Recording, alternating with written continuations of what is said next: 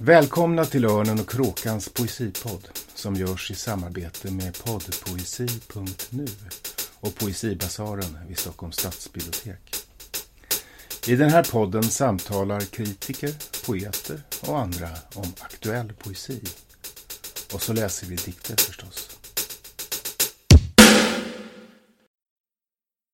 Välkomna till årets sista avsnitt av Örnen och Kråkans poesipodd. Jag heter Magnus William Olsson. Ämnet för podden är poesin efteråt. Efter pandemin alltså. Det kan kanske kännas som ett omöjligt ämne när man som vi nu är verkligen mitt i. Men kriser av den här digniteten skapar alltid ett före och efter. Sådant som före kändes självklart, kanske till och med nytt och spännande, ter sig efter bara daterat och omöjligt. Och kanske kommer vi, som den danska kritikern Camilla Lövström antyder i slutet av podden, att längtansfullt kunna se tillbaka på krisen som ett skede när allt tedde sig öppet, oavgjort och spännande. Podden består av två samtal. Det första med Anna Lundvik och David Zimmerman. Kritiker och författare i 30-årsåldern som vid förra årsskiftet, bara några månader innan utbrottet, tillträdde som redaktörer för Lyrikvännen, Sveriges viktigaste poesitidskrift. Till det andra samtalet bjöd jag in två danska kollegor, nämnda Camilla Lövström och Martin Glas Serup, poet, barnboksförfattare och poesiforskare. De två samtalen kompletterar varandra. Det första rör sig mycket kring vad det gångna årets intensiva umgänge med skärmen kommer att innebära för vår syn på poesi och internet. Det andra samtalet handlar om vad erfarenheten av att i kraft av sin kroppsliga sårbarhet, smittbarhet, tillhöra ett globalt pandemos, ett hela folket. Vad den erfarenheten kan komma att innebära för det poetiska subjektet. Och så talar vi om hur litteraturens, offentlighetens och poetikens förhållande till det nationella kan komma att påverkas av att vi i våra olika nationer tvingats enas under flaggan, statsministern och Folkhälsomyndigheten. Men först ska vi alltså träffa de nya redaktörerna för Lyrikvännen. Anna Lundvik, du är ju kritiker i Sydsvenskan. H, vad heter det numera? Helsingborgs Dagblad, HD. Ja, precis. Ja, eh, och skriver om, om poesi förstås, men också om, om prosa. Mm. Och så är du dessutom, skriver du ju skönlitterärt. Eller hur? Ja, lite i smyg. Ja, så men det är ju ändå... Man, man hittar, det finns ju publicerat, även om det är tidskriftsvärlden än så länge. Ja. Jag tänkte, det är ändå intressant att prata om lite på det här temat också, det egna skrivandet. Och du David Zimmerman, du är ju poet du, du, eh, och kritiker. Du har till exempel skrivit här för Örnen och Kråkan. Du debuterade 2017 med Mal på Anti. Mm. Och eh, utkom 2019 var det väl med Ljus och strålning på Bonniers. Mm. Mm. Och ni två är redaktörer för Lyrikvännen. Som ju utan ja. tvekan liksom är Sveriges eh, mest betydelsefulla poesitidskrift. Och har varit hur länge som helst sedan den startade. Eh, 1954. Ja. Eh, med, med, med Stig Karlsson som redaktör och så. Jag har sett lite att ni, eller jag har anat lite på era aktiviteter att ni har intresserat er lite för det där tidiga den där tidiga lyrikvännen, har ni kollat tillbaka liksom i, i nummer och så eller? Ja, i den mån eh, det är möjligt. att Det finns ju väldigt mycket Lyrikvännen. Mm. Ja, det är mycket att läsa. Vi har ju liksom ändå ett arkiv på vårt lilla kontor här i Malmö och eh, vi har väl... Det är ganska ofta vi läser i, i gamla nummer och sådär. Det är så en otrolig eh, tillgång, en skatt liksom. Mm. Alla dessa år av lekfullhet, översättningar och eh, liksom essäer och så vidare. Det finns Mm. väldigt mycket att hitta där som eh, är väldigt roligt. Mm. Mm. David, du har ju gjort en väldigt fin film också. Om, som pre- presenterar Lyrikvännen. Okej, med var hittar man den någonstans? Var kan, var kan lyssnarna söka upp den? Kan man googla på den? bara? Vi kanske får lägga upp den på hemsidan. Ja, eh, för att den, eh, hemsidan. det var egentligen till ett annat evenemang där som gjorde en historisk resumé av eh, alla gamla nummer. Ehm, Men det, vi tycker det är väldigt kul med att, få arbeta med något som har varit så fint så pass länge som Lyrikvännerna har varit. Och vi tycker det är en, en sympatisk ambition på något sätt som har legat bakom det projektet. Eh, Mm. Som vi En tradition kan- kanske till och med. Ja men verkligen. Mm. Mm. Mm. Men som ju är, den är ju inte, det är ju inte helt lätt att liksom göra vad de gjorde på, eller vad Stig Karlsson och Gunnar Harding och sådana gjorde i början på liksom idag eftersom förutsättningarna är väldigt annorlunda för att jag menar jag tänker Ja. på hela den här enorma spridningen de hade och så. ju- är- Ja, precis. Vi har väl tänkt mycket på liksom vad... Alltså en, en tidskrift idag är ju inte samma sak som en tidskrift var då. Eh, och vi har ju ett sätt vi har tänkt att försöka vara det som Lyrikvännen kunde vara då är ju att nå ut på andra sätt. Vi har ju gjort en podd som kommer ut med ett avsnitt per tidskriftnummer till exempel. Mm. Mm. Eh, Och ökat vår närvaro lite grann på sociala medier. Och det handlar väl ganska mycket om att vi... Det, som, det finns ju mycket att säga om sociala medier och internet och det kommer vi säkert återkomma till. Men en sak som går upp för en inom poesins område är ju hur oerhört många det är som ändå är eh, intresserade av poesi utanför den här lilla eh, klicken av, eh, vad ska man säga, poesiarbetare. mm. Eh, och det ser man ju väldigt mycket genom Instagram med olika konton som lägger upp dikter. Och, och Som har ju tusentals följare. Liksom. Ja, de, är, de är ju uppe i de nivåerna som Lyrikvännerna hade på 50 Ja. 50-talet. Ja. Liksom. Så det. och det är ju väldigt roligt och det ger ju också vissa möjligheter för en tidskrift som Lyrikvännerna som har den här traditionen att bygga lite broar liksom, mellan en väldigt eh, läsande och skrivande, kanske framförallt skrivande Mm. grupp människor i, i Sverige liksom, som bryr sig jättemycket om poesi men som inte har eh, kanske lika stor utsträckning som vi insyn i samtidspoesins alla eh, scener och eh, förlag. Mm. Och där kan ju Lyrikvännen faktiskt förhoppningsvis fylla en spännande funktion i någon slags eh, medlare. Mm. I den här gamla så att säga, folkbildartraditionen som är som ju Lyrikvännen springer ur på, på ett sätt. Det är ju lite Mm. det. Mm. Mm. Ja, vad spännande. Det där, det där kan vi kanske komma återkomma till. Jag tänker att eh, jag, jag ska säga det så att lyssnarna vet att ni också privat är ett par. Och vi ska ju prata en hel om, del om det här året som vi är Mm. mitt inne i, som är ert första år på Lyrikvännen. Och, ni har också fått ert första barn. Mm. Det är en stor sak. Ja, det har varit ett omtumlande år kan man väl säga för oss på många plan.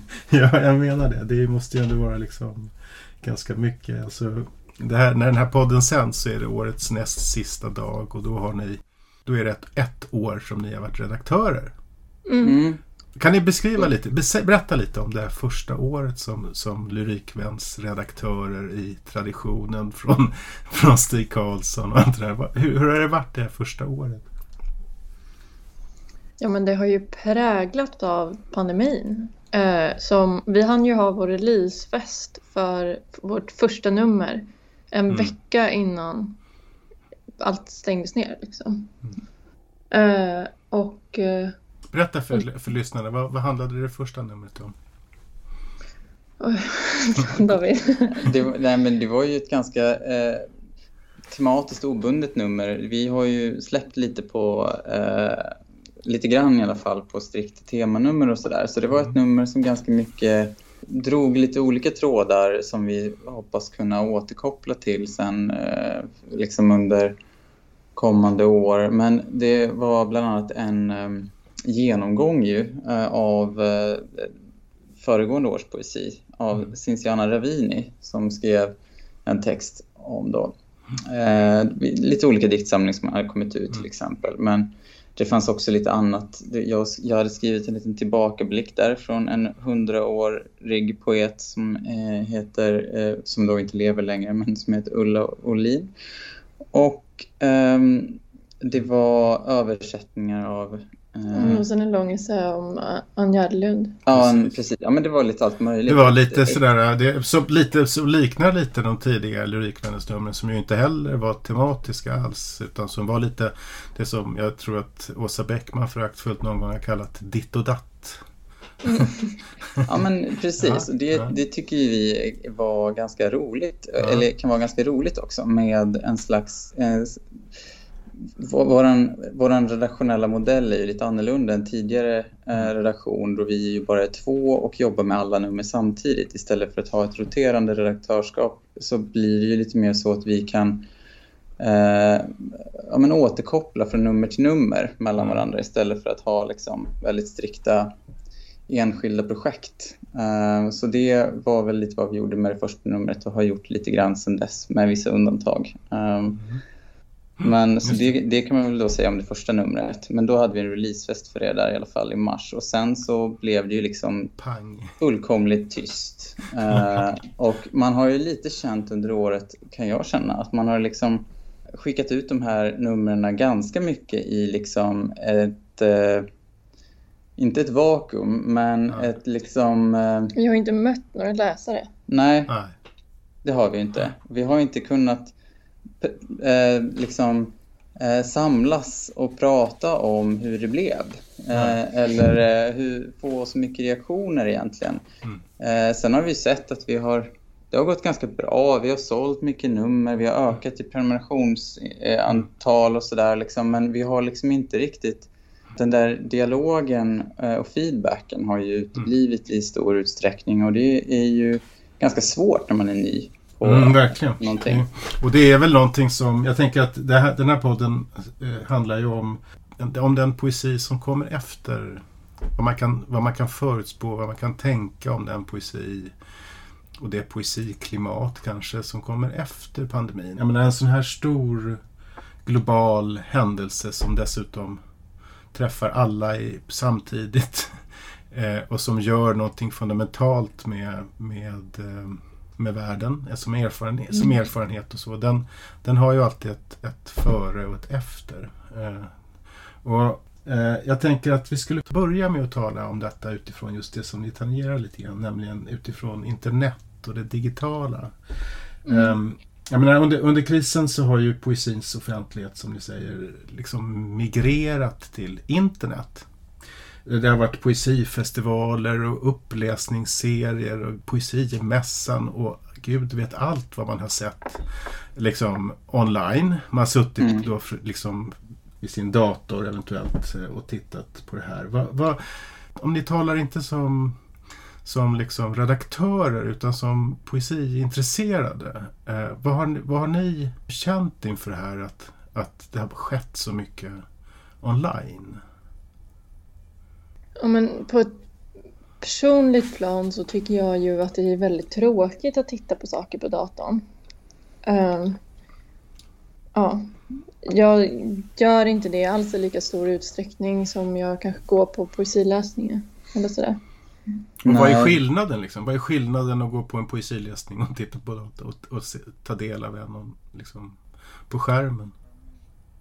Ja, men jag tycker att det finns, alltså människor är väldigt komplexa och det sker ju verkligen en förenkling tycker jag eh, av människan i, eh, genom skärmen på det sättet som vi har sett under eh, det här året tycker jag. Alltså, jag har ju också varit engagerad i eh, att arrangera Malmö Text till exempel som är då en, en, en um, scen för litteratur i, i, Malmö. Och det har ju varit i liksom, tron på ganska mycket eh, litteraturen som någonting väldigt socialt. Även om poesi mycket väl kan skrivas och i de flesta fall görs, eh, skrivs i, på en kammare och eh, läses i en kammare så finns det väldigt mycket där runt omkring ju som bygger på eh, som är ett ekosystem av sociala relationer och man behöver både för att, att, hitta nya saker att läsa, att förstå hur man ska läsa och förstå vad man ska skriva om och hur.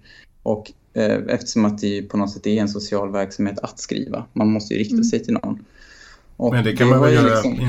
digitalt? Man riktar sig väl någon på nätet Men också? Är inte det som skiljer själva uppläsningssituationen ifrån att, man liksom, att dikten också landar hos publiken? Att det, finns, ja. att det sker någonting, liksom, ett utbyte, den uppstår liksom i stunden där. Mm. Medans, och att då liknar ju en uppläsning digitalt mer kanske hur, hur en bok fungerar. Att det liksom inte, det sker ju inget möte. Nej, och jag har också märkt när jag pratat med människor så där under året att många har sagt att ja, ja men själva uppläsningen i sig, den går ju i princip att ha ungefär samma på internet, men allt det där runt om uppläsningen när man mm. träffas mm. försvinner ju. Mm. Och det är, ska man inte underskatta tycker jag i liksom eh, när man känner att mening uppstår eh, av att man har man läser och uppskattar samga saker eller att mm. man inte gör det. Men att man kan prata om det, att det finns liksom en, mm. en diskussion och sådär. Och det har ju varit väldigt eh, eller avgörande. Det är olika mm. sociala rum för mig, både som läsare och skrivande person. Liksom. Jag, om jag tänker tillbaka på när jag började var liksom försöka skriva poesi i någon slags studentrum så här i Uppsala utan mm. då kände jag bara att jag hade ju liksom ingen aning om jag trodde att jag var ensam i världen med det här mm. intresset och det blev också då en ganska underlig, inte särskilt bra poesi. Man måste liksom, eh, mm. tycker jag, lära sig att meddela sig med varandra och det mm. kräver något mm. socialt. Mm. Jag tänker att det är inte där, eh, alltså om jag, om, vi tänker, om jag tänker på ett före och ett efter den här erfarenheten som vi nu är mitt inne i, eh, så är relationen till, till det digitala till internet. Någonting som definitivt har förändrats. Å ena sidan kan man säkert säga som många gör att en hel del saker kommer att permanent flytta till nätet. Eh, vissa möten, relationsmöten kanske, inte vet jag. Eh, vissa grejer som funkar att göra så att man inte behöver resa så långt och så. Men å andra sidan, om man tänker, jag tänker på eh, jag läste i, jag vet inte om ni har koll på den tidskriften som heter L'amour, l'amour. Alltså jo. i Stockholm. Och där läste jag mm. deras senaste nummer som typiskt och intressant nog har temat verkligheten. Så skriver eh, Jonathan Brott en text om eh, Steve Roggenback. Om ni kommer ihåg honom.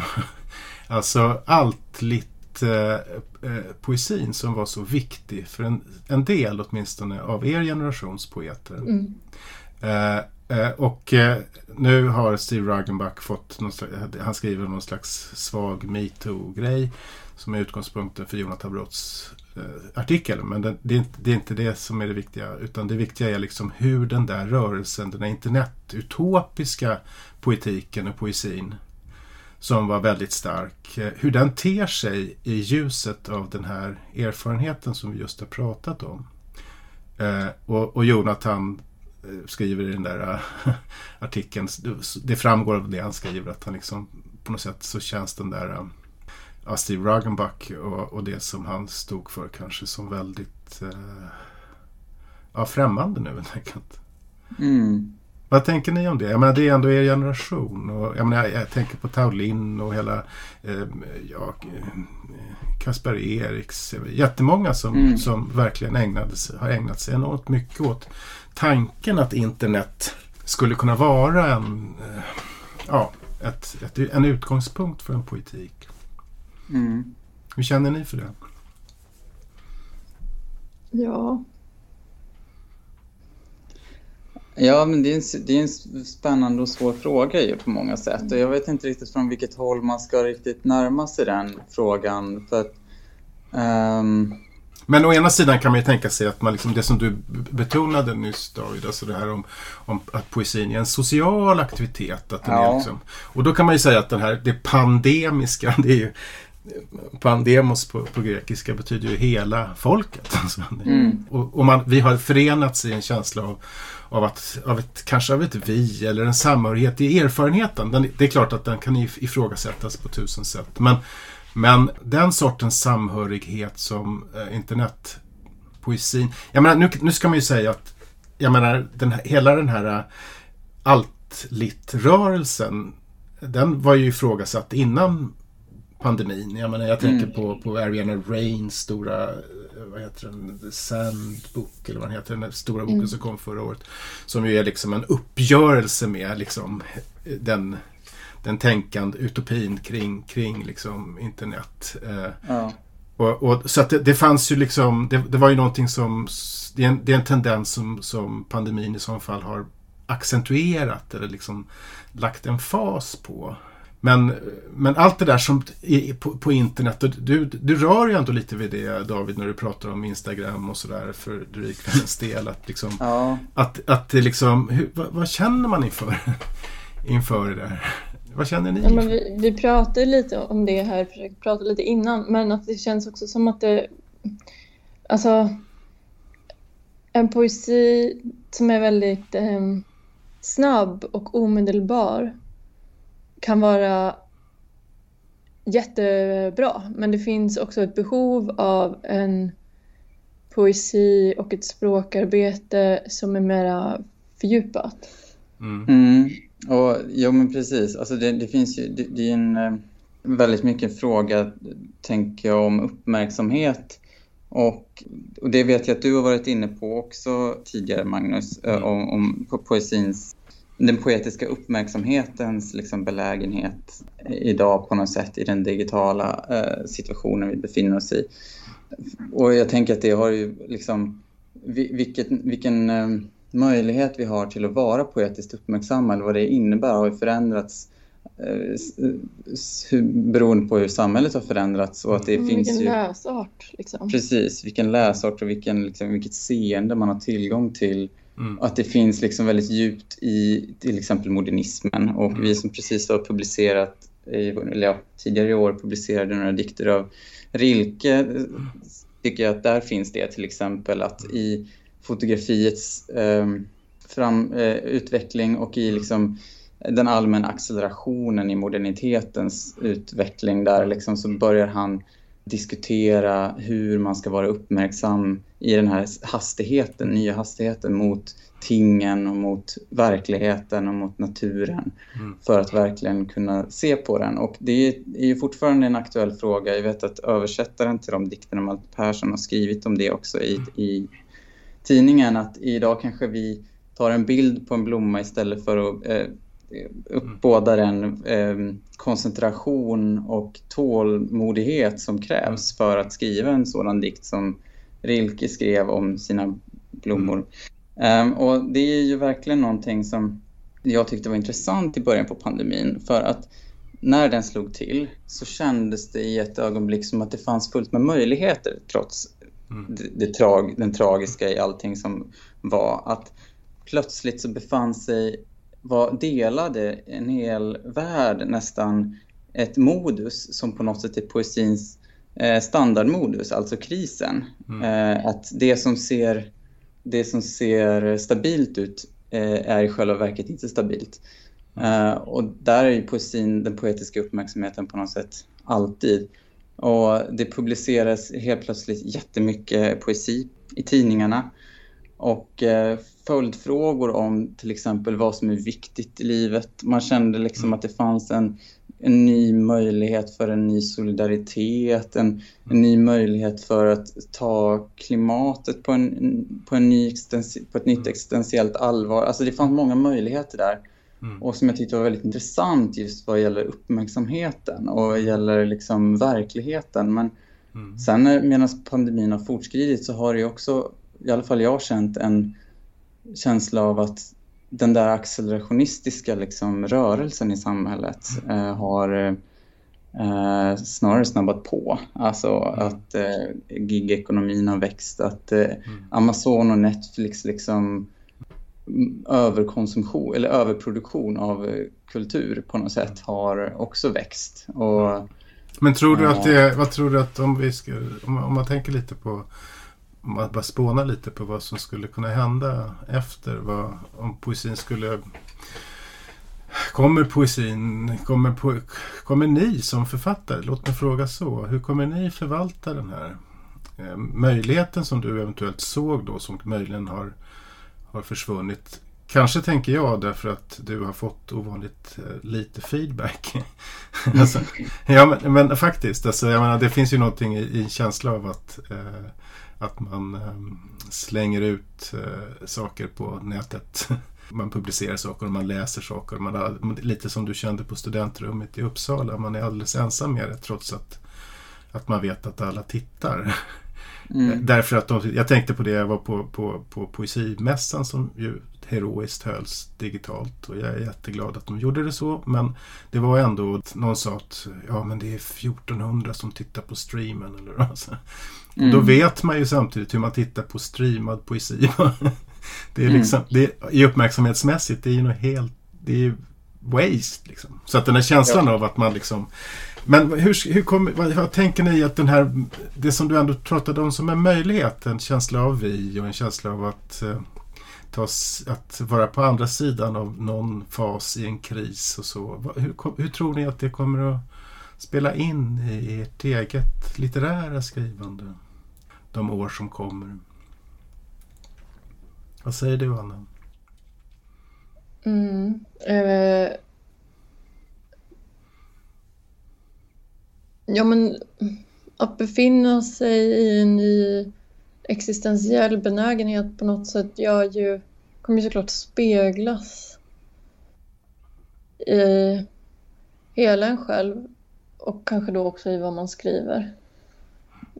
Men, eh, du har ju pratat mycket att du har längtat efter en viss sorts poesi.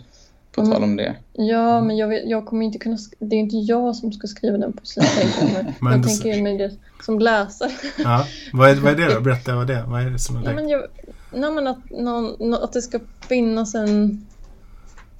Det som poesi tycker jag förmår göra. Att det ska komma... Att den poesin som ska bara... Den här tiden ska bara inte på något sätt kanske direkt eh, känner mig inte så intresserad av en liksom, coronadikt. Nej. Men just av att den här liksom, existentiella bara förändringen ska finnas återspeglad. Mm. Jag hör ju att vaknar. Alvar vaknar. ja, han vaknar. Men det, vi, vi, vi, jag skulle vilja ha ett svar från dig också David omkring det där. Eh, som, som det sista i den här intervjun.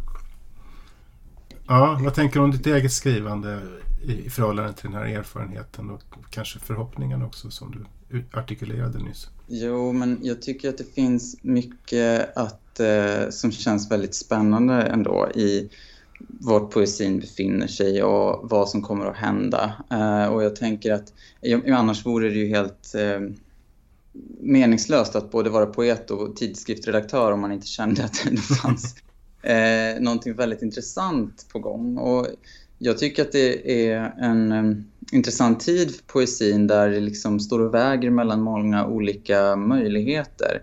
Mm. Men att den rådande situationen ställer ju ändå på sin spets lite grann en fråga som jag tycker har funnits i poesin ganska länge, nämligen på något sätt eh, diktjagets relation till världen lite grann och mm. vilka möjligheter eller skyldigheter det här diktjaget har eh, och liksom vilken position det har. Och där finns det mycket spännande frågor som jag tror att poesin kommer att utforska de närmaste åren med jag tänker att det har funnits i till exempel ekopoesin väldigt mycket och det har funnits i den politiska, eller mer liksom explicit politiska poesin.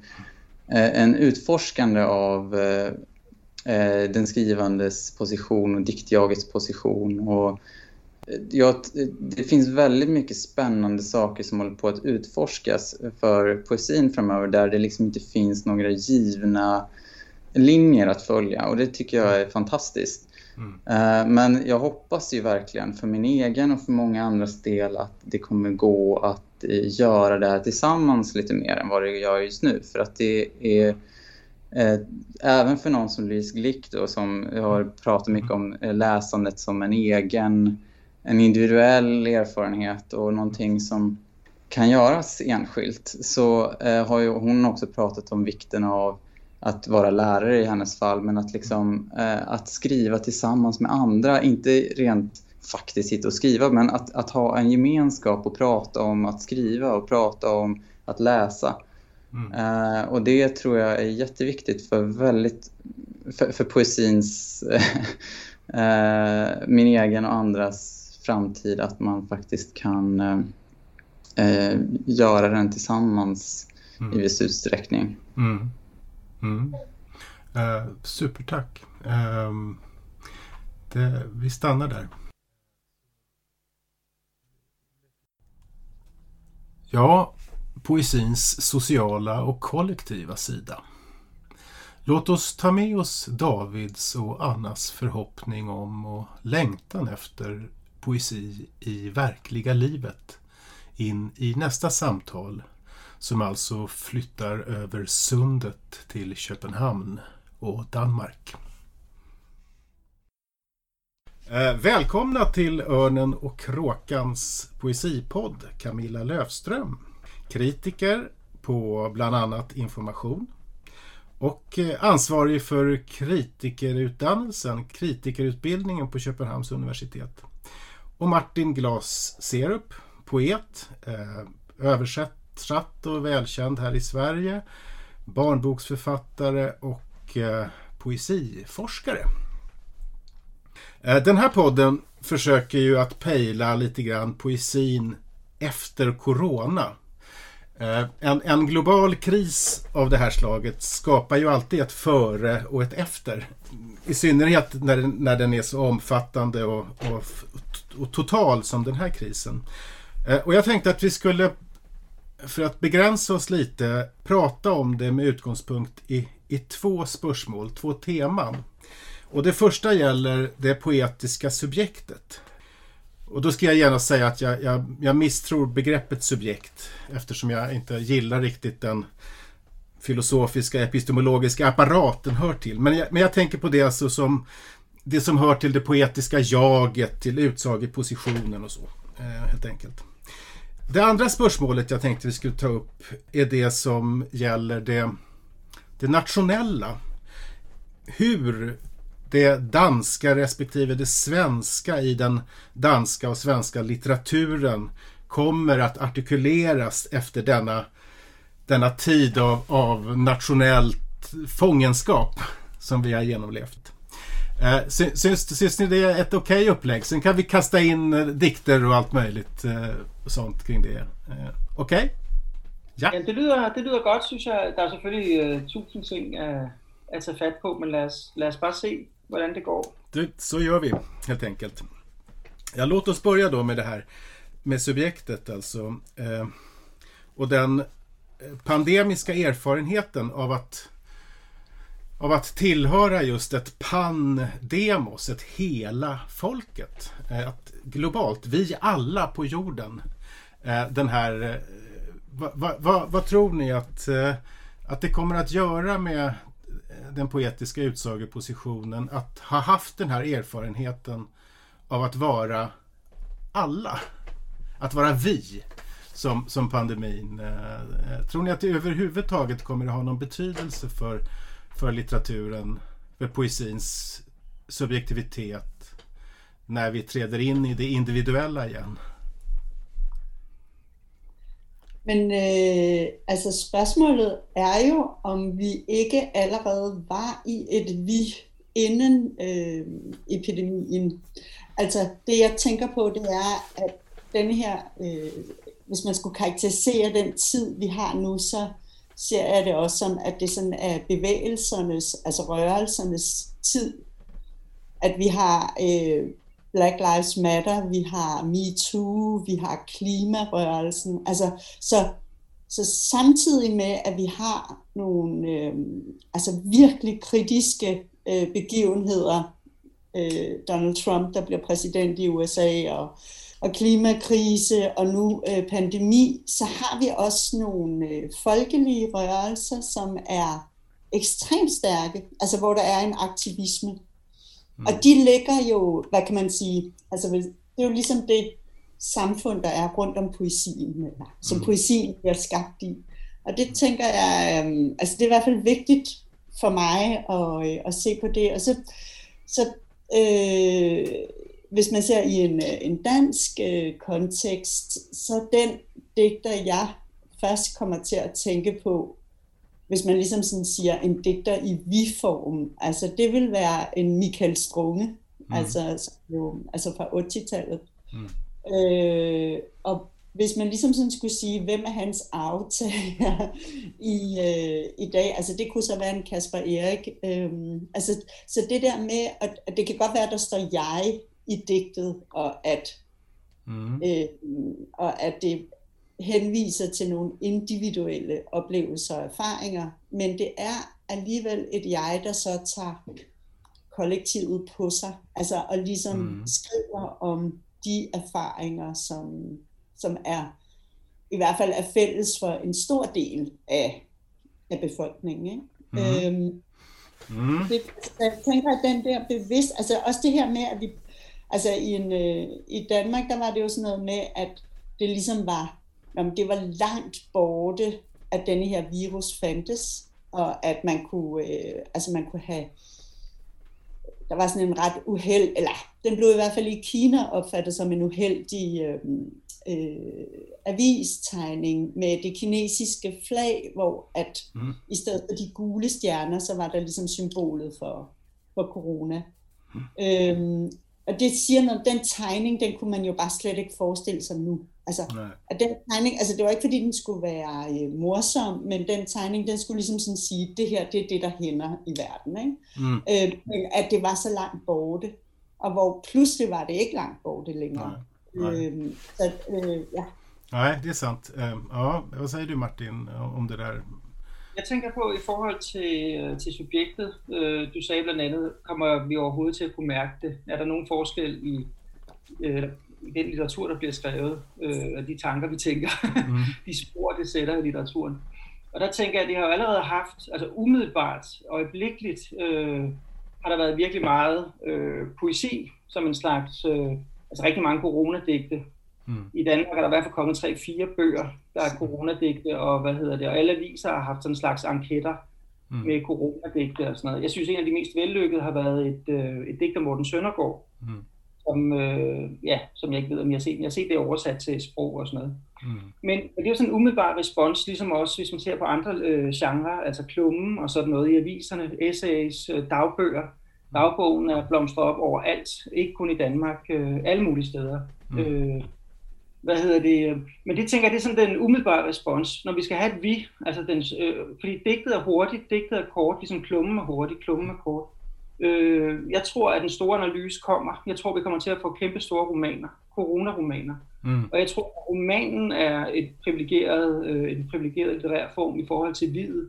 Mm. Altså til at se større rørelser, øh, der har at gøre med øh, politik og sociologi og øh, epidemiologi og sådan noget. Ikke? Og epidemiologi, altså, det er jo ikke virusen. Virusen er bare et prisme mm. på hvordan det hanterar Men jag tänker, jag tänker, jag skulle vilja opponera mig lite mot vad ni säger här. Jag tänker att liksom, eh, jag uppfattar att eh, eh, det poetiska subjektet innan corona har varit kommodifierat eh, en slags jag-kapitalistisk subjekt där man hela tiden eh, framställer och fetischerar den egna positionen hämtad inte minst från sociala medier. Där tycker jag Kasper Eriks är ju ett tydligt exempel på det som har att göra med, i Sverige har vi Elis Byrå till exempel, samma, samma typ av position, alltså ett, ett, eh, en subjektivitet som som ju hela tiden måste inskriven i, en, i en, ett kapital, eller kapitalism helt enkelt. I en, i, ja, Susanne Christensens begrepp jag-kapitalism tycker jag är väldigt eh,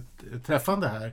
Men den positionen, den, den har ju fortsatt in i i pandemin och, och Kasper Eriks har ju skrivit eh, coronadagbok, just dagboksdikter och just idag när vi talar så har han en dikt i, i politikens, precis som du säger, har de en serie nu där, där diktare kommenterar samtiden eh, som heter Breaking Poesi. Va? Och där skriver Kasper Eriks idag, e- också utifrån en slags subjektivitet som är den är ironisk, självironisk, den sätter sig själv på spel, den måste vara smart hela tiden.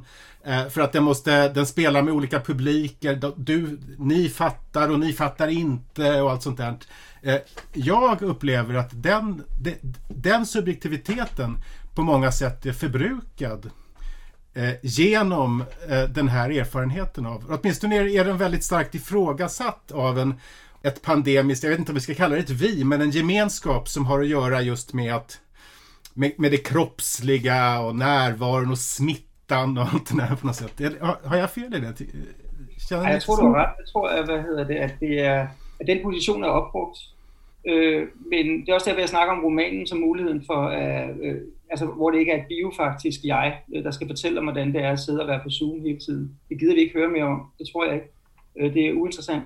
Men der er en position, ligesom Camilla måske også pegede på, der er en position i en poesi, der allerede findes, øh, som kunne jo være Inger Christensens, øh, Juliana Spars, øh, sådan noget, som er øh, ja, det, man jo begynder at læse vældig meget som økokritisk, øh, hvor, er, hvor er subjekt, øh, altså udgangspunktet er større, det er ikke et individ, der taler det. Øh, og øh, den form tror jeg stadig har en, øh, en mulighed, men den interesse, kan man sige, den økokritiske interesse, var der også før øh, pandemien. Mm. Men jeg tror, jeg er helt enig i det der jeg-kapacitet, det er opbrugt. Jeg tror, det er slut. Men, men altså, øh, jeg får, øh, altså, jeg får lyst til at, at forsvare den position, fordi jeg ser den ikke, øh, altså, jeg ser en jeg-kapitalistisk øh, position, det vil jeg, øh, altså det tænker jeg på, det er sådan en influencer, mm. altså, øh, hvor at, øh, og som jo er afhængige af de penge, som øh, der kommer ind i kassen for at stille sig i den position og sige de ting.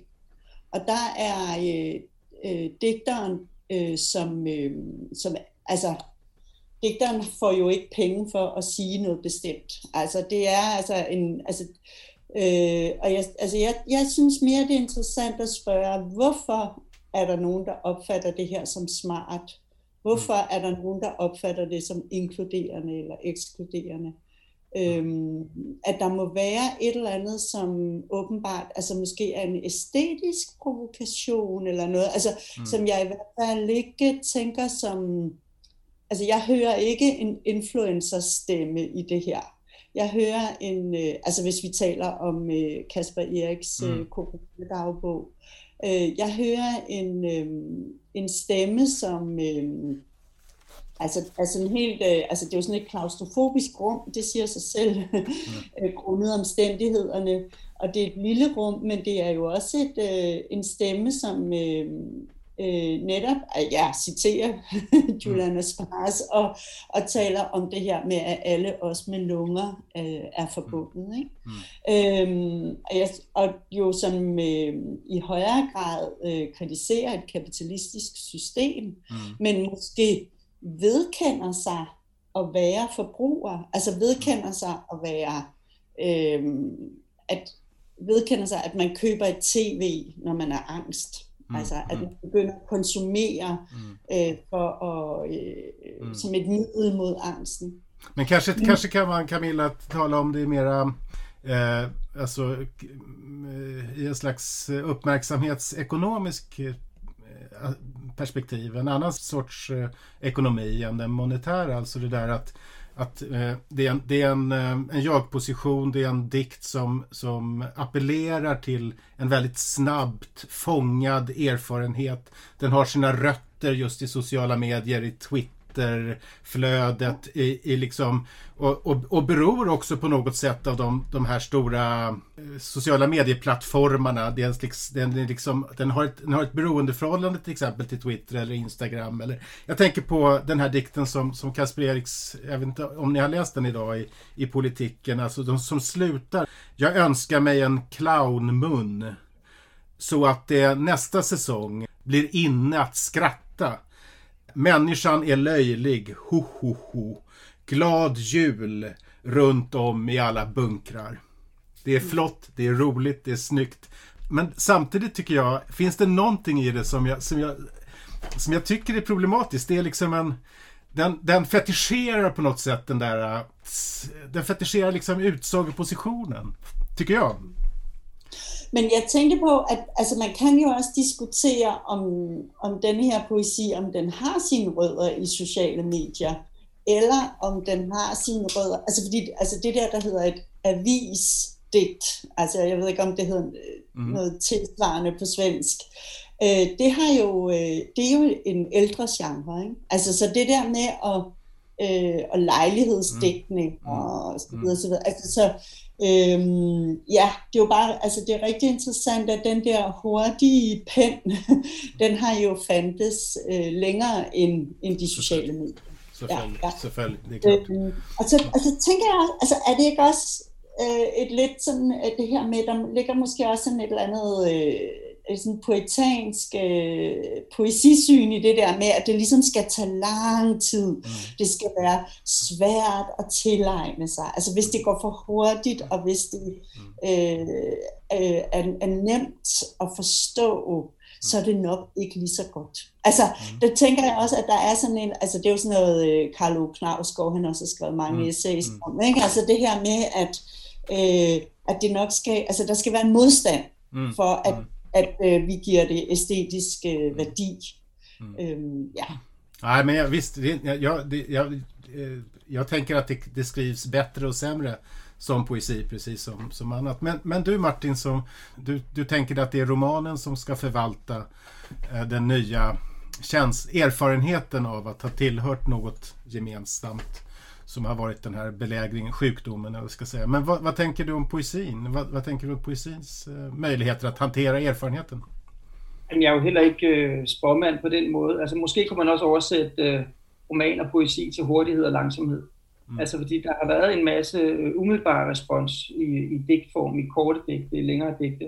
Også i hele bøger jo faktisk, øh, som jeg startede med at sige.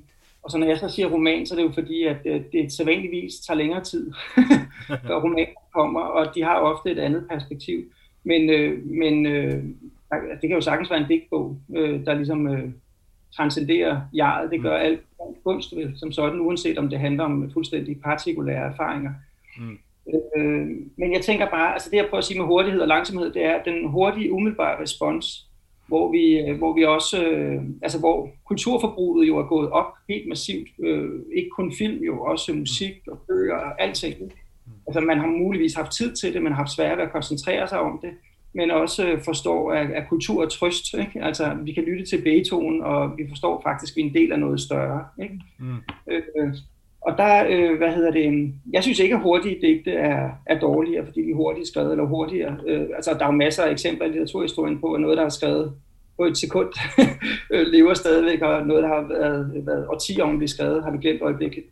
Så det, det er ikke på den måde. Jeg, jeg tænker bare, at den umiddelbare respons, den der, med, den der umiddelbare vidnesbyrdagtige øh, afrapportering af, hvordan det er at være låst inde og skulle gå med mundbind og lige pludselig alle mulige, hvad, hvad for nogle situationer vi nu lever i, alt efter hvor vi lever og hvornår. Øh, den tror jeg er brugt op. Hvor, altså, jeg, jeg tror, vi vil godt høre noget mere. Vi har hørt det. Altså, mm. der, vi har fået rigtig meget umiddelbart vidensbyrd. Nu må der være nogle andre undersøgelser, der sætter ind, og det kan jo øh, sagtens være i poesien. Mm. Øh, som romanen. Ikke? Men, men jeg tænker, det må være nogle langsomme og grundigere nogle flere perspektiver, nogle andre perspektiver. Mm. Og Camilla markerer, kan vi se de her billeder. Nå, men jeg synes bare, det er rigtig interessant, øh, at øh, i, øh, i Danmark, der havde vi en, altså der kom vores øh, statsminister Mette Frederiksen, hun holdt jo en en ret, altså en ret interessant tale den 11. marts, som øh, er utrolig velskrevet. øh, og der, øh, der sagde hun, at øh, alle personer, som, øh, som ikke varetager en kritisk funktion, at de skulle gå hjem. Mm-hmm. ja, og det her, Nå, altså jeg kommer til pointen, altså det var det her med, at hun sagde kritiske funktioner mm. om omsorgsarbejde, om alle dem, som står i første række, om øh, politi osv. Og fordi hun ikke anvendte en metafor, altså i Danmark så bliver de øh, ofte kaldt øh, personer, som øh, drager omsorg, så bliver det kaldt varme hænder, eller det bliver kaldt engle ligefrem. Øhm, altså øh, med de hvide kitler selvfølgelig. Ikke? Øhm, og der sagde hun kritiske funktioner. Øhm, og det var jo virkelig en anerkendelse af det arbejde. Og det er de mennesker, som virkelig har været på arbejde her under pandemien. Og der gjorde jeg så det, at jeg ligesom kiggede på, i min bogreol og fandt eksempler frem på, altså hvordan det arbejde er blevet skildret. Og det er, er faktisk, altså i en dansk sammenhæng, der er det mest i romaner. For mm. nu altså, øh, og det, øh, og, men jeg læste jo også Johan Jønsson, som jo har skrevet rigtig meget om det arbejde. Mm. Og det jeg tænker, hvis nu Martin, han er, altså det forstår jeg virkelig godt, er træt af at læse digte om at have mundbind på, eller sådan noget, at jeg tror, at der kommer nogle, altså om det så er romaner eller poesi, det, det ved jeg egentlig, det kan jeg ikke, det har jeg ikke sådan, det kan jeg ikke mærke noget i forhold til, men der kommer nogle skildringer af, hvordan det er at for eksempel skulle pleje og passe en dement person, mens man mm. står med visir og mundbind og er pakket fuldstændig ind, og hvordan skal man overbevise et menneske, som er fuldstændig konfus om, at jeg gør dig ikke noget, jeg passer på dig, jeg vil give dig mad og medicin. Ikke? Og hvorfor er det så, at jeg forventer det? Jamen det er simpelthen fordi, at der, det er jo sådan øh, rent socialt, så er der jo rigtig mange forfattere, som ud over øh, forfattere og digtere, som ud over at skrive, så har de også mm. de jobs. Altså, og det synes jeg er, øh, altså det tænker jeg, at det er, er spændende, altså at forfattere, de jo længe har, øh, har skildret de her jobs, som er dem, der har været under allerhårdest pres her under øh, pandemien. Øh, altså ikke at de politibetjente, men mere det der inden for omsorgsarbejdet. Øh, og det, det, det må jeg sige, det, det øh, er virkelig sådan en, en vidnesbyrd eller en erfaring, som jeg øh, ser frem til at få skildret mm. i en, øh, en mm. litterær den kommer helt säkert, de kommer helt säkert, det tror jag absolut, det kommer de göra. Det är ju också, Magnus, det är ju också, det är ju precis också det, att det är de andra, nu kommer andra människor med i det du beskriver Camilla, ikke? och det Magnus, du siger, der også kommer. De andre, det är inte bara, det är inte bara mig, der sidder här hemma och ser Netflix eller köper ett fjernsyn, fordi jag synes, mm. det är mm. en hård situation att vara i. Ja, eh, ska vi eh, vända lite in till den andra frågan, den om det nationella och vad liksom den här som du talar om Camilla lite med, med Mette Fredrikssons tal och allt det där eh, om hur pandemin har konstruerat en, eh, ett nationellt vi. Det vårt, vår lilla nation som har kämpat samman mot, mot eh, fienden och så. Eh, hur, hur den kommer att hanteras i, av eh, litteraturen framöver och poesin kanske. Jag, jag, jag går just nu igenom eh, hela, jag, jag, gör det alltid, jag går igenom hela årets poesi och poesikritik i Sverige. Och då, eh, det syns kanske inte så mycket på böckerna, för de är ju skrivna nästan alltid före pandemin. Va? Men det syns på kritiken. Det är en slags backlash, en slags nostalgisk återgång till en slags modernism. Eh, det som varit huvudlinjen i den svenska poetiska modernismen, alltså den, den trygga kanon eller vad jag ska säga. Och vi har i Sverige sedan några år en ny generation kritiker eh, som gick 30-årsåldern nu och som är väldigt ambitiösa och duktiga. Men också hos dem ser man jättestarkt den här eh, nostalgiska värderingen. De, de, blir, de tokhyllar och älskar ganska medioker, liksom modernistisk poesi. Hur, hur har det där varit i, i, i Danmark? Alltså den där, har det funnits en, en, liksom en återgång till det klassiskt danska i, i det offentliga samtalet, i kritiken, i värderingen? Det är inte något jag omedelbart har lagt märke till, vill jag säga. Jag syns inte det är ett øh, nostalgisk backlash. Äh, alltså, nej, en nationalistisk äh, ett eller annat, nej, det syns jag faktiskt. Eh, det syns jag inte man kan se någon steder. Men har, har man överhuvudtaget sett, tycker ni, vi ska säga, det, det nationella, har det, den här um, den här konstruktionen av Mette Fredriksens konstruktion av det nationella, har det överhuvudtaget eh, fått ett estetiskt eller kritiskt uttryck i offentligheten? Bland andra än, än politikerna? Jag ser du Camilla? Jamen, der har jo helt klart, altså der har jo været sådan en, øh, en øh, sådan en generel snak om, at man ligesom sådan skulle støtte de danske kunstnere. Altså, så der har været et eller andet med sådan at høre dansk musik og læse danske forfattere og sådan, altså at det var, altså en ting var, at der var hjælpepakker øh, til øh, erhvervslivet, men øh, alle de her musikere, som ikke havde nogen koncerter og så videre, så videre, dem skulle vi ligesom støtte. Mm. Og det er jo noget, som man tænker, jamen klart, man skal det, men det er også for mig altså virkelig klaustrofobisk, det der med, hvordan et socialdemokrati øh, jo så kan slippe afsted med at være nationalistisk, og at, at øh, kunsten så, altså dem, der interesserer sig for kunsten, så svarer igen med sådan, ja, det skal vi nok, vi støtter op om de, de danske mm. kunstnere, musikere osv. Øhm, at det har, det har i hvert fald været et, øh, et frygteligt dilemma, synes jeg, at være i.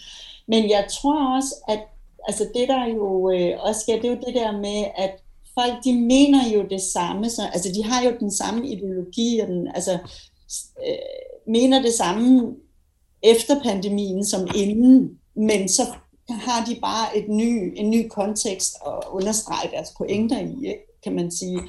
Øhm, og så derfor så vil det nationalistiske, det får jo så, altså, så får det jo bare en, øh, en anden ramme at blive øh, forsvaret i, ikke? Altså, øh, og den har jo virkelig været stærk. Altså, mm. og hvor at, at jeg synes, det har været alt for let, øh, ja, og, altså for, og bare det der med at lukke grænserne. Altså, det, der, at det har vi jo altid diskuteret, om vi skulle lukke de grænser, og pludselig så kunne man bare gøre det. men, men, altså, det det er rigtigt, det, det er rigtigt, hvad Camilla siger. Det, der, altså, det nationale er lige pludselig blevet meget øh, tydeligt på den måde. Hvis I kan huske Wallace Stevens Blackbird øh, det er ikke der et af, et af hans, øh, en af hans øh, solsorte variationer, det er, at det øjeblik, hvor solsorten forsvinder ud af sys, øh, øh, man ikke længere kan se den, så er der en usynlig cirkel, der er blevet synlig. Mm. Det, det er så langt, man kan se. Og den der usynlige cirkel, altså særligt når vi lever i det Europa med åbne grænser og sådan noget, den er jo i, øh, i virkelig høj grad blevet, blevet synlig. Ikke? Altså vi er øh, alene med hinanden, og, og alt det Camilla peger på nu er jo rigtigt. Altså den der øh, køb lokalt, altså køb hos din lokale købmand, hvis du gerne vil have den er der efter mm. øh, pandemien, og, hvad hedder, og ikke er gået for lidt. Øh, og, og, og det er også blevet defineret, det lokale er faktisk blevet, også blevet defineret som det øh, mm. nationale, på den måde, som Camilla taler om. Med, øh, hvis du hører dansk musik på Spotify, så går de der 0,0003 øre det er et dansk øh, band i stedet for et engelsk eller et tysk. Mm. Øh, sådan, så der har faktisk været sådan en, øh, mm.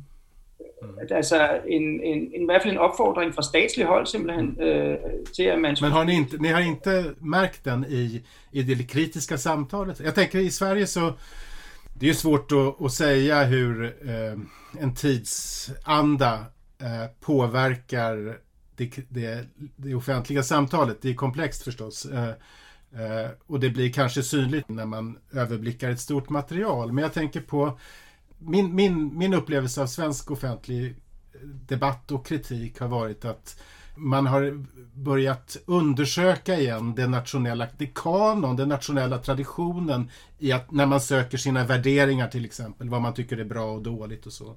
Eh, kanske är den där dagbokssubjektiviteten eh, också ett uttryck för det på ett sätt. Men, men jag tänkte, för, för några veckor sedan så, så var det en, ehm, en ung poet och kritiker i Sverige som, som skrev en programartikel närmast eh, som, som handlade om som, som en slags genuppstånden eh, Immanuel Kant eller Platon. Han, han hävdade liksom att, att litterär, estetisk och kritisk sensibilitet till syvende och sist ska förstås och, och bedömas utifrån etiska kategorier.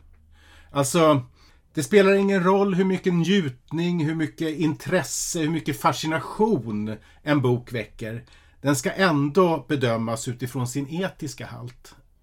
Utifrån etiska kategorier. Och det där är en hållning av en ung, mycket bra diktare som är, jag tycker är intressant att man kan artikulera i offentligheten just nu.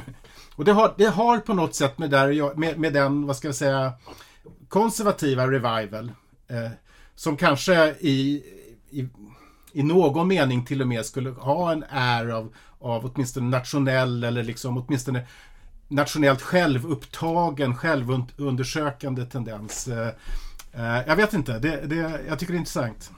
Tänker du att de ting har något med varandra att göra? Altså, det kan ju godt vara en konservativ revival, øh, eller en etisk eller en moralisk. Øh. Ja, men jag tänker att den där erfarenheten av att, eh, av att tillhöra en nation som vi får genom att gränserna är stängda och vi är hänvisade till hinanden och sådär. Att den eh, eh åtminstone understödjer den typen av eh, tankar och, och, och känslor i, i, i, folk. Jag vet inte. Altså, altså jeg, jeg tænker, at det, øh, altså det etiske øh, fylder også meget i Danmark. Altså helt klart, øh, at det er altså hvad kan man sige, det er sværere og sværere at forsvare en Jørgen Let, og lettere og lettere at, at forsvare øhm, en økokritisk øh, poesi. Ikke? Altså så helt klart. Men jeg, øh, jeg tænker også i forhold til det der nationale, at øh, men det har ikke, altså igen så er det måske ikke så meget kritikken, men sådan mere medier i det hele taget, at øh, de store øh, øh, dagblade og Danmarks Radio videre, de havde jo ligesom lagt an til, at det store tema, det skulle være natur. Mm. Altså i 2020. Og det har faktisk også noget med det nationale at gøre. Altså at man skulle ud og opleve den danske natur, og man skulle lære fuglenes navne at kende, og så videre, og så videre. Og så blev det jo lige pludselig corona, og så, men så det der natur, altså den danske natur, har aldrig fyldt så meget. Og det der med, at alle så måtte holde, øh, altså holde sommerferie i Danmark, altså så blev det virkelig, ej, vi skal ud i naturen alle sammen. Og det, øh, der har også været noget, synes jeg, altså sådan noget national romantik over det. Personligt er jeg ret interesseret i, hvad der kommer til at ske med, øh, ja, måske den mest provincielle litterære genre, der er rejseskildringen øh, provinciel, fordi jo at det, der sker med rejseskildringen, det er jo, det bliver et kendetegn i genren, at man skriver til et publikum derhjemme. Så når man så er ud øh, i det fremmede, så skriver man hjem om, hvordan det er anderledes, end det er derhjemme. Det vil sige, at de fremmede ting, man ser, er defineret af, hvordan, altså, ja, er det, er, er det hjemlige, ikke? Så på den måde provincielt. Og nu hvor vi ikke kan rejse, hvad så? Øh, altså, genoptager man læsning af de gamle rejseskildringer? Hvad når der åbner lidt op, når folk kan tage afsted og sådan noget? det har jeg været virkelig, og, og, og rejse, rejseskildring er jo ikke kun prosa, kan man sige. Vel? Rejseskildringen findes jo i alle øh, genrer. Det er jo i sig selv en bastardgenre, der kan indeholde øh, alting i hybrid. Også poesi, som vi jo taler mest om her. Mm. Men det har jeg været virkelig, virkelig interesseret i, og jeg har gået og faktisk holdt øje med det, men jeg synes ikke, jeg kan rigtig se noget endnu. Altså, der er ikke... Øh, jeg tænker, at der må snart komme eventyr igen, fordi det bliver jo... Altså, der er mulighed for at være... Øh, den sidste turist i Europa, ikke? Øh, som er en dansk sang. Øh, ja. Hvad, øh, men ja, hvad, hvad, hvad sker der egentlig, når det bliver undtagelsen frem for, frem for normen? Når alle vi andre skal holde ferie 20 km fra København, hvad så med dem, der kan få lov til at tage til Nordtyskland? Ikke? Mm. Men det synes jag inte jag kan se. Hvordan går det i Sverige med det? Har, har du tänkt något om det? Magnus? Ja, jag har inte riktigt tänkt. Øh, jag har faktiskt inte... Øh, det, det är ju många som har i, i aviserna är det ju många som har skrivit en typ av reportage från, från Sverige helt enkelt. Och det, det är ju det är helt tydligt. Ehm, det har ju länge i poesin varit en, ehm, ett, en, en tendens, eh, inte bara i, i, Skandinavien men också här som handlar om, om det platsliga, om platsen, stedet. Eh, på ett sätt. Och den, den, är, den, den är ju lite också kanske om hemmet och förhållandet till hemma och borta och så. Och det, och det är lite vad, vad, vad, du talar om, talar om Martin. Men jag tänker, eh, tiden går här. Jag tänker att eh, din, du har ju skrivit en bok Martin som är en, en, en, på ett sätt en pandemibok. Men den är, för att den är skriven under under pandemin. Jag ska återkomma till den, Men den, ska, den är ju på ett sätt en reseskildring en, en, på en måte. Eh, jag tänkte vi ska sluta med att lite grann prata om den eh, och presentera den. Så här, det, det är en... Eh, jag, jag, tänker på det som en anti-pandemidiktsamling. Eftersom det är, det är 49 kärleksdikter. Eh, de är skrivna från juli till december. Och eh, pandemin nämns i den första dikten. Men sen sätts den inom parentes För att det, det är kärleken, den, den, eh, allt annat än pandemiska utan alltid den unika och oöversättliga och individuella kärleken som, stå, som står i centrum. Det är alltså 49 prosadikter och de är alla knutna till en plats och en händelse just. Eh, och de inleds på ett eller annat måte med en fråga riktad till den älskade som, som lyder Kan du huske? Minns du? Helt enkelt. Och jag läser dikterna lite grann i förhållande till, till pandemin ändå eftersom de är ju skrivna här nu. Så, men jag tänker på dem då som ett sätt att upprätta ett slags undantagstillstånd inuti belägringen, eller vad man ska säga. Mm. Uh, uh, uh, hur, hur, hur, hur har du själv tänkt med det där? jeg har jo tænkt, jeg har jo tænkt dem som først og fremmest kærlighedsdigte. Jeg har jo ikke tænkt dem som pandemidigte, kan man sige. Men jeg synes, den læsning er fuldstændig valid. Øh, og det, der sker jo, de har jo alle sammen inspireret af Joe Brainard, øh, I Remember. Men så, så øh, de, har jo alle, de starter jo alle sammen på samme måde. Kan du huske? Og det er det, der gør det til et kærlighedsdigt. Det er jo, at det er helt sådan henvendt til du. Ikke hvad jeg kan huske, det er hvad du kan huske. Men selvfølgelig er der jo et skjult vi, fordi ellers ville man jo ikke kunne skrive det, det er klart. Men det er jo kærlighedsdigtet i det. Men det der, det der også er, og som øh, gør det måske til et pandemidæk faktisk, en lokal undtagelsestilstand, som du kalder det, ikke? Oprette et rum inde, i, inde, i, inde i undtagelsestilstanden, det er jo erindring. Øh, og, det, øh, og det bringer jo os måske lidt tilbage til noget af det, vi talte om lidt tidligere, det der med, hvordan kulturforbruget steg, og man finder ud af, at man er en del af noget større, man kan høre Beethoven, hvad det var, jeg sagde. Øh, og det har jo, man har jo også erindringen, ikke? man har bøgerne, man har, øh, hvad hedder det, øh, man, har, man har det rum, der er større, end hvor man øh, fysisk er, er situeret. Ikke? Mm. Og det er jo det, altså, øh, jeg håber ikke, at den her bog er klaustrofobisk, for eksempel. Der er en, der er en masse øh, der er en masse corona i, men jo, men jo kun som en del af livet. Altså, øh, vi har de der masker på, eller øh, landet bliver lukket ned, eller sådan noget. Men det er noget, der sker i siden af, ligesom der sker alle mulige andre ting. Mm. Sådan så hele, øh, jeg tænker selv i hvert fald, at den, den lille bog der, at der, den udfolder sig i et øh, enormt rum, altså også et, sted, et, et stedsligt rum. Ikke? Mm. Den foregår i Europa. Mm. Øh, men jo i virkeligheden foregår den jo øh, i hovedet mellem to mennesker. Mm. Mm. Det där med att, att ta sig igenom pandemin. Eh, vi talade lite om att, eh, att läsandet har ökat och kultur Eh, ut, konsumtionen har ökat i, i, i världen. Folk har tittat på film och tv och böcker och så. Men, men ett, annat, ett, ett annat fenomen har ju varit att väldigt många har skrivit. På, på förlagen så kommer det in enorma mängder med manus. Folk har skrivit väldigt mycket. Eh, vad, har det här arbetet för dig varit ett sätt att eh, liksom ta dig igenom den här tiden? Nej, Altså det jo at skrive, kan man sige, er jo for mig en, øh, en almindelig ting. Og har vel også, altså hvis jeg skal svare sådan helt privat og personligt, har jo, øh, er jo en del af den måde, jeg tager mig igennem livet på. Mm. Altså at skrive, skrive simpelthen, og ligesom at læse. Det er utænkeligt for mig ikke at skrive og læse. Mm. Og det har der også terapeutiske effekter og alt sådan noget. Det er der ingen tvivl om i min dagbog. Mm. sådan noget. Øh, men, øh, men det har ikke været et bevidst coping-projekt. Altså projektet har været ett kærlighedsdigt. Mm. Camilla, det har ju kommit en del danska coronaböcker och dagböcker och så. Eh, hur, hur har den där, eh, den, den, den där litteraturen varit i Danmark? Jeg vil sige, at de coronadigte, der er skrevet øh, i Danmark, at dem vil jeg i hvert fald Altså, jeg tænker, altså fordi jeg får aldrig selv skrevet dagbog, selvom jeg gerne vil. Og for mig er de enormt værdifulde, altså fordi jeg kan godt lide at gå tilbage og se, Nå gud ja, der, der var det virkelig freaky at tage et mundbind på.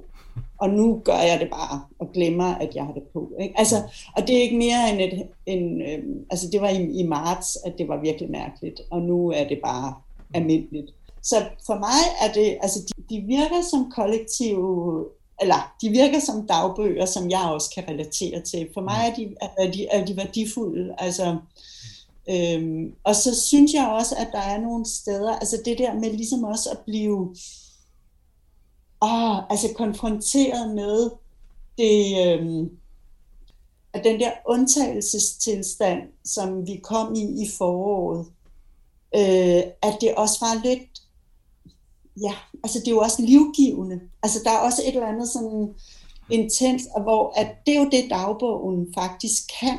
Mm. At den følelse, man har lige der, mm. at den bliver nedfældet.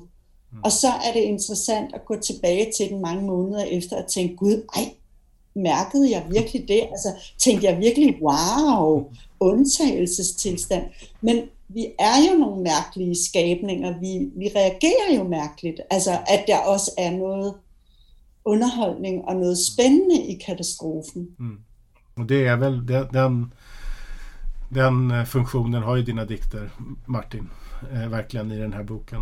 Eh, jag tänkte jag ska säga tack till er. Eh, fint att få ha er med här på podden. Eh, och vi ska sluta med att eh, höra dig Martin när du läser en av de 49 dikterna i, eh, i boken, nämligen nummer 34. Och, och, när du har gjort det så ska jag läsa översättning av den till svenska. Varsågod. Kan du huska Trieste och regnvädret i Trieste, När vi var körda in till byn från Duino med din mor och far och Erik? Hvordan det fuldkommen fangede os, hvor voldsomt det var. Gaderne ud til bugten som en slags Venedigs pludselige kanaler – og kan du huske, hvordan vi søgte tilflugt i en stor Feltrinelli? Og i den boghandel købte jeg smug digte af Pasolini og Pavese, som jeg forærede dig senere. Ramskis aske og Døden kommer og vil have dine øjne, som de danske titler lyder. Og du forklarede mig, hvordan den sidste titel faktisk er anderledes på italiensk. Når død kommer, er det dine øjne, den vil se på dig med. Det er ikke dine øjne, den er ude efter. Minns du Trieste och regnvädret i Trieste? Då vi kört in från stan från Duino med din mamma och pappa och Erik. Hur det fullständigt fångade oss. Hur våldsamt det var. Gatorna ut mot bukten som en sorts Venedigs plötsliga kanaler.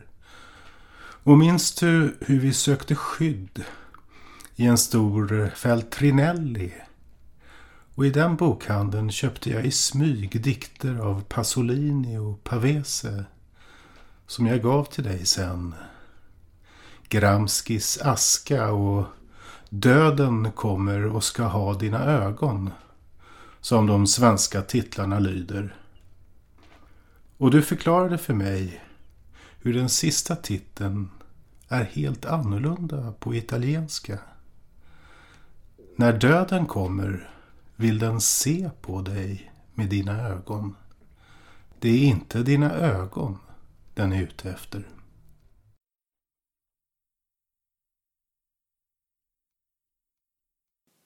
Du har lyssnat till Örnen och kråkans poesipodd.